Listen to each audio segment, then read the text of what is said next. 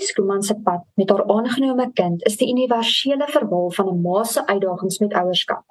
Van 'n kind se emosies wat soms moeilik is om te verstaan, tot die totale moedeloosheid wanneer dit voel of jy net nie die ouerskap kan bemeester nie. Sandy vertel nou meer oor haar boek Rooi Letterkind wat pas verskyn het. Sandy, jy het altyd 'n behoefte aan 'n kind gehad, maar jy kon ongelukkig nie een van jou eie kry nie. Vertel my meer oor jou ervaring as ma van 'n aangenome kind. Wel, omdat ek nie enige ervaring met my eie kind gehad het nie, dink ek, ehm, um, dis die enigste ervaring wat ek het. Ek kan dit nie vergelyk met iets anders nie. Ek kan byvoorbeeld nie my ervaring vergelyk met sou ek 'n kind gehad het wat wel uit my eie lyf uitgekom het wat ek vir 9 maande gedra het. Ek weet nie hoe ek sou anders voel teenoor daai kind nie want ek het nie die ervaring gehad nie. So vir my is die kind wat ek het is my kind. Dis asof sy regtig uit my lyf uitgekom het en enige droom wat 'n ouer vir hulle kind het, dieselfde droom het ek vir my kind. Dog is jou verhaal eintlik 'n universele verhaal van 'n ma en die uitdagings met ouerskap of hoe? Ja, ek dink ons lewe in ongelooflike komplekse tye. Ek dink ons kinders word gekonfronteer met goed wat ek dink hulle is dikwels te jonk vir die goed wat hulle nie gekonfronteer word. Daar is soveel waarhede daar buitekant. En wat ek ook besef het in my reis is dat daar is nie meer twee huishoudings waar dinge dieselfde gedoen word nie. Toe ek jonk was, was daar redelike universele standaard reëls in huise gewees. Min of meer ons in dieselfde woonbuurt is het dieselfde tipe opvoeding gehad. Ons ouers het dieselfde oor goed gevoel en wat ek nou besef in die tyd waarin ons lewe is, daar's soveel verwarring. Daar's soveel fragmentering in die gemeenskap dat ek dink dit is baie moeilik vir enige iemand vandag om 'n kind groot te maak. Baie moeilik wanneer mens 'n boek lees, dan kom mens agter dat Christendom regtig jou anker was en jou rigtinggewer was en waarskynlik nog steeds is. Hoe het dit ja. jou gehelp om die uitdagings te hanteer? Ek sou dit nie kon doen sonder in die eerste plek dat ek die feit dat ek self baie diep geanker is in my geloof vandat ek klein is. Dit het my eerstens gehelp want as 'n mens op 'n punt kom waar jy nie die antwoorde het nie, dan besef jy wat die skrif sê dat moenie op jou eie insig vertrou nie. Moenie op jou eie insigte staat maak nie. So ek dikwels as ek gekom het voor 'n punt waar ek nie geweet het wat om te doen nie, het ek my eie insig eenkant toe geskuif en letterlik net gaan soek in die woord wat sê die woord. En veral as jou kind na jou toe kom en sê almal doen dit en almal se ouers laat dit toe, dan kom jy op 'n punt waar jy moet te stand in die sê maar in hierdie huis doen ons dit nie. Ons staan vir ander waardes. En die ander ding wat my gehelp het in my kristendom is die feit dat ek deel is van 'n verskriklike hegte gemeenskap van Christene wat dieselfde waardes deel wat ons met soveel liefde toegevou het en ons in soveel liefde saam met ons hierdie reis onderneem het. En wat 'n mens kan gaan vra, dis mense met wysheid, mense met diepte wat jy kan gaan raad vra wanneer jy dit nodig het iets wat ek nie weet of almal heeltemal mooi verstaan nie, miskien dalk vir al kinders is die verskil tussen pleegsorg en aanneming. Gaan jy dalk omgee om miskien net kortliks te verduidelik wat die verskil is? Jy verwoord dit nogal mooi in die boek waar jou dogter ook dieselfde vraag gevra het en wil weet wat die verskil is. Ja, so daar is eintlik 'n verskil, eh, nogal 'n groot verskil in die meeste gevalle van pleegsorg. Staan staan mens eintlik maar net in die gaping vir 'n biologiese ouer. So daar is gewoonlik nog 'n biologiese ouer in die prentjie en die biologiese ouer is nie in staat om na die kind te kyk nie vir watter rede ook al. Dan word die kind verwyder en die kind is eintlik in die staat se sorg dan. Die staat maak die besluite oor die kind. En die staat gebruik dan 'n pleegouer om namens hom na die kind te kyk. Maar daar's sekere dinge wat mens jy moet maar gereeld incheck met die maatskaplike werkster byvoorbeeld. Daar's sekere goed wat jy nie kan oorbesluit nie. Jy kan byvoorbeeld nie net vir jou kind 'n paspoort kry en oorsee gaan met 'n vakansie nie. Dis 'n verskriklike rigmarole red tape om net so iets te kan doen. Daar is in sekere gevalle wanneer daar ernstige operasies op die kind gedoen moet word, dan moet jy die toestemming gaan vra. Ek kan nie onthou of dit nou by die staat of by die biologiese ouer is nie, maar die idee met pleegsorg is altyd altyd hereniging met die biologiese ouers. wanneer daar ons praat van aanneming, dan is dit asof daai kind uit jou lyf uitgebore is. Elke voorreg wat 'n kind het wat jou biologiese kind is, het daai kind. En en elke voorreg wat die ouer het, het jy. Jy maak al die besluite. Jy het totale beheer oor die kind, die keuses wat jy kan maak. Jy hoef nêrens in te check nie. En ook met pleegsorg moet jy elke 2 jaar die pleegsorg hernie. 'n Hele proses van vooraf terug hof toe, weer deur al die screenings en dinge. Met aanneming is daai alles verby. Jy skryf ook ergens in die boek dat jy gereeld jou hart moes vashou en dat dit vir jou 'n breër prentjie van ouerskap, want jy weet wanneer jou kind nie jou liefde wil hê nie of dit voel of jou kind nie die liefde aanvaar nie. So, maar dit was so met die, in daai proses met die aanneming ook wat jy op jou hart vasgehou het en gehoop het dat hierdie vir jou sal uitwerk.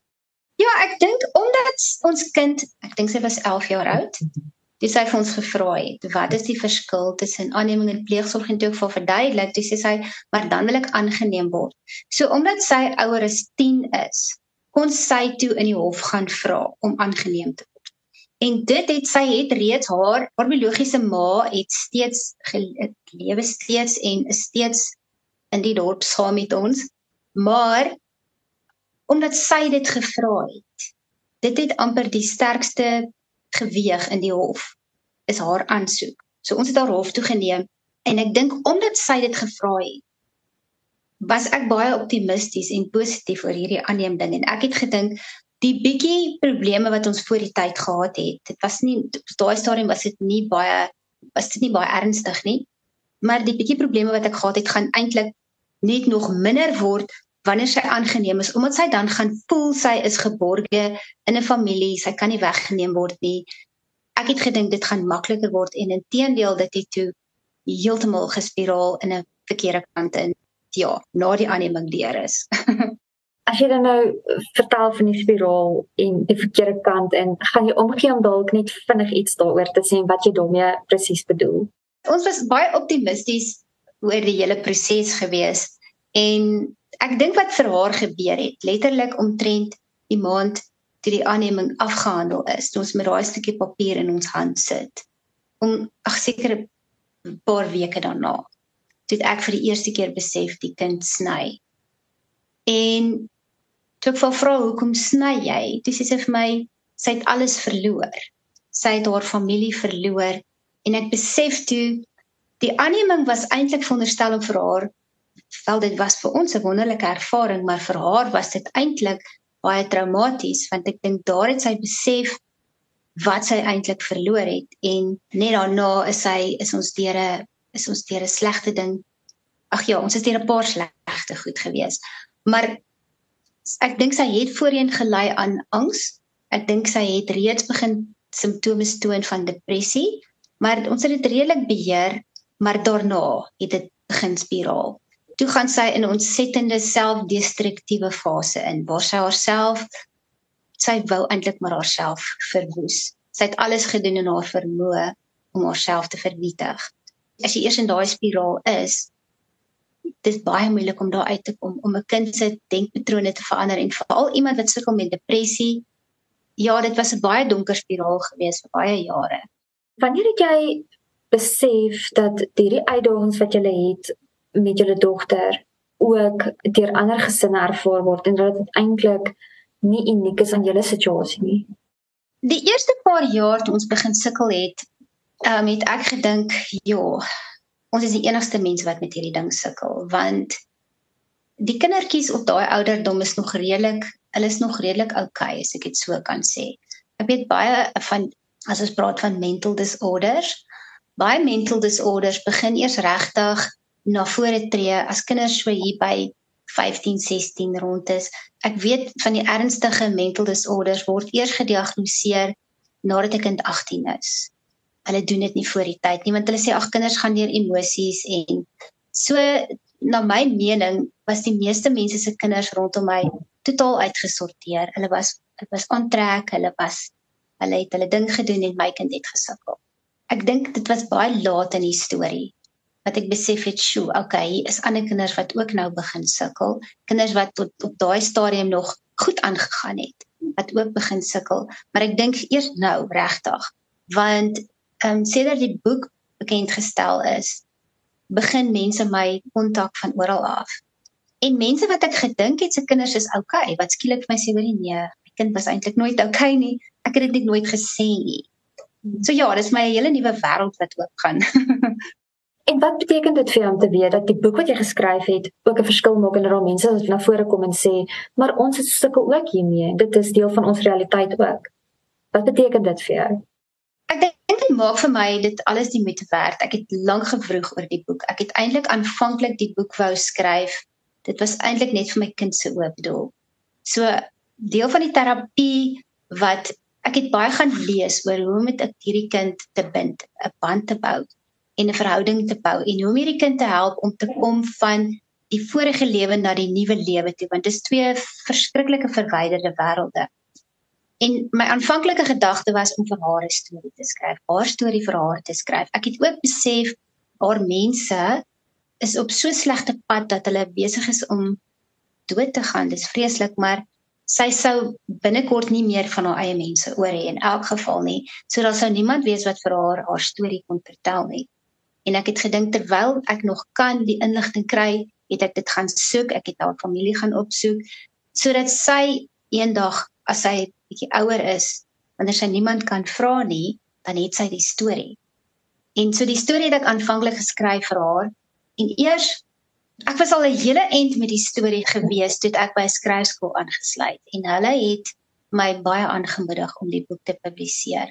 En ek wou aanvanklik nie, ek was baie onseker oor dit want ek het net gedink jy mens stel jou lewe jou hele lewe bloot aan die wêreld, jy stel jou kind bloot, jy stel jou man bloot. My kind was snaaks genoeg baie positief oor die boek en sy het vir my bly sê maak nie saak wat in die boek staan nie skryf hom nie.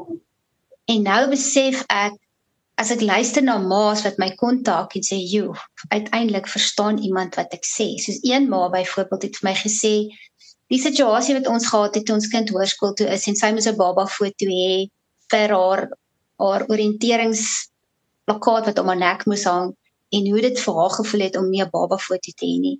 Dis sê maar ons het deur presies dieselfde ervaring want ons het ook 'n kind in pleegsorg geneem en hy het ook nie baba foto's gehad nie. So te besef ek, joh, ja, daar is mense wat net om gehoor te word, net om te weet iemand hoor my, iemand verstaan wat ek hier probeer sê.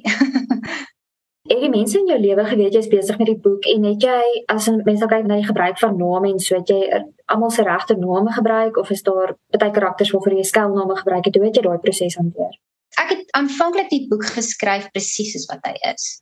Met almal se name met plekke situasies en toe die hele boek klaar geskryf is. Die die mense na aan my het geweet ek skryf 'n boek maar ek was nooit soos baie ernstig oor die boek soos ek gaan 'n boek publiseer nie. Ek dink jy het net gesê jy weet mos as 'n mens uit lockdown uit kom met almal vir mekaar gevra. So wat het jy met jouself gedoen in lockdown? En ek het almal gesê ek het 'n boek geskryf en ehm um, maar dit was altyd soos ek sê die boek was eintlik nooit bedoel om gepubliseer te word nie. Ehm um, so toe die boek klaar is, toe moet ek 'n redigeerder kry om my te help met die boek. Dit is deel van die van die proses van publikasie. En ek het toe saam met die redigeerder gesit en ehm um, sy is 'n gesoute joernalis sy doen baie um, misdaad um, journalistiek. So sy weet wat kan jy in die moeilikheid bring en wat nie? Wat moet jy liewer nie sê nie? En daar was een of twee goed wat sy vir my gesê het jong ek sou nie lief gesê het as ek jy was nie dit gaan jy in die moeilikheid laat beland. Maar ons het te besluit op skuilname vir meeste van die mense. Daar's hier en daar een of twee regte name. Ek het ek het meeste mense gaan vra hoor jy wil jy skuilnaam hê? Daar's een of twee regte name maar die res is skuilname Dink jy daar word genoeg gedoen om die vooroordeele en vooropgestelde idees van aanneming te ontrafel en wat is volgens jou ervaring die beste manier om so iets te doen? Kyk, ek wil vir jou sê daar's 'n groot stigma rondom aanneming.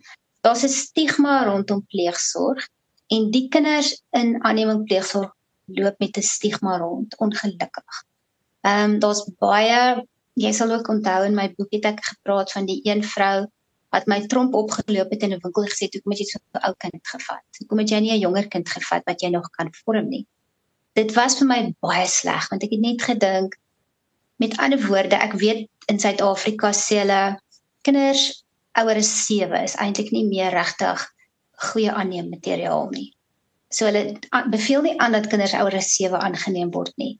En toe dink ek dis dis wreed eintlik, dis hartverskeurende om te dink al hierdie kindertjies wat wat nie 'n kans het nie omdat hulle net in die wêreld se oë oud is. En dan die ander wanpersepsie wat bestaan, wat wat vir my eintlik ook mense het hierdie persepsie van wel jy het nou hierdie kind gered uit hierdie horrible omstandighede uit en sy moet nou net begin dankbaar raak. Ehm um, wat is nou fout met haar? Hoekom is sy nou nie net dankbaar nie? Intussen is hierdie kind stikkend. Sy is die breintjie is so in die, baie gevalle is hulle breine so verkeerd bedraad as gevolg van vroeë traumas, as gevolg van verwerping, as gevolg van te min stimulasie of te veel stres, te veel adrenalien. Uh, Daar's soveel goed wat daai kindertjies se breine net totaal op 'n ander manier bedraad dat hulle gaan nie net instap in jou huis in en dit is soos Heidi of dit is nie dit is die wanpersepsie wat mense het van jy het nou die kind gaan haal, die kind is gerescue and they lived happily ever after. En eintlik moet 'n mens verstaan, daar's 'n jarelange proses. 'n Jarelange proses om daai kind te help. Meeste van hulle sit met posttraumatiese stres. Soos ek sê, baie van hulle sit breintjies is net totaal verkeerd bedraad. Dis 'n aanpassing. Jy kan dink as jy in 'n huis groot geword het waar daar geen reëls, geen grense, ehm um, daar was net geen taboes nie en skielik stap jy in 'n huis in met waardes. En nou moet jy inskakel en inpas en nou moet jy etenstye eet, slaap en stye slaap. So dit is 'n baie pynlike proses en die meeste mense besef ek sien eintlik nie kans vir dit nie. Hulle wil hê 'n kind moet instap en dit moet wees soos hulle eie kind. Veral ek dink mense wat reeds biologiese kinders het, het hierdie ding van hierdie kind gaan net inslide in hierdie gesin in en dit gaan net pragtig mooi wees.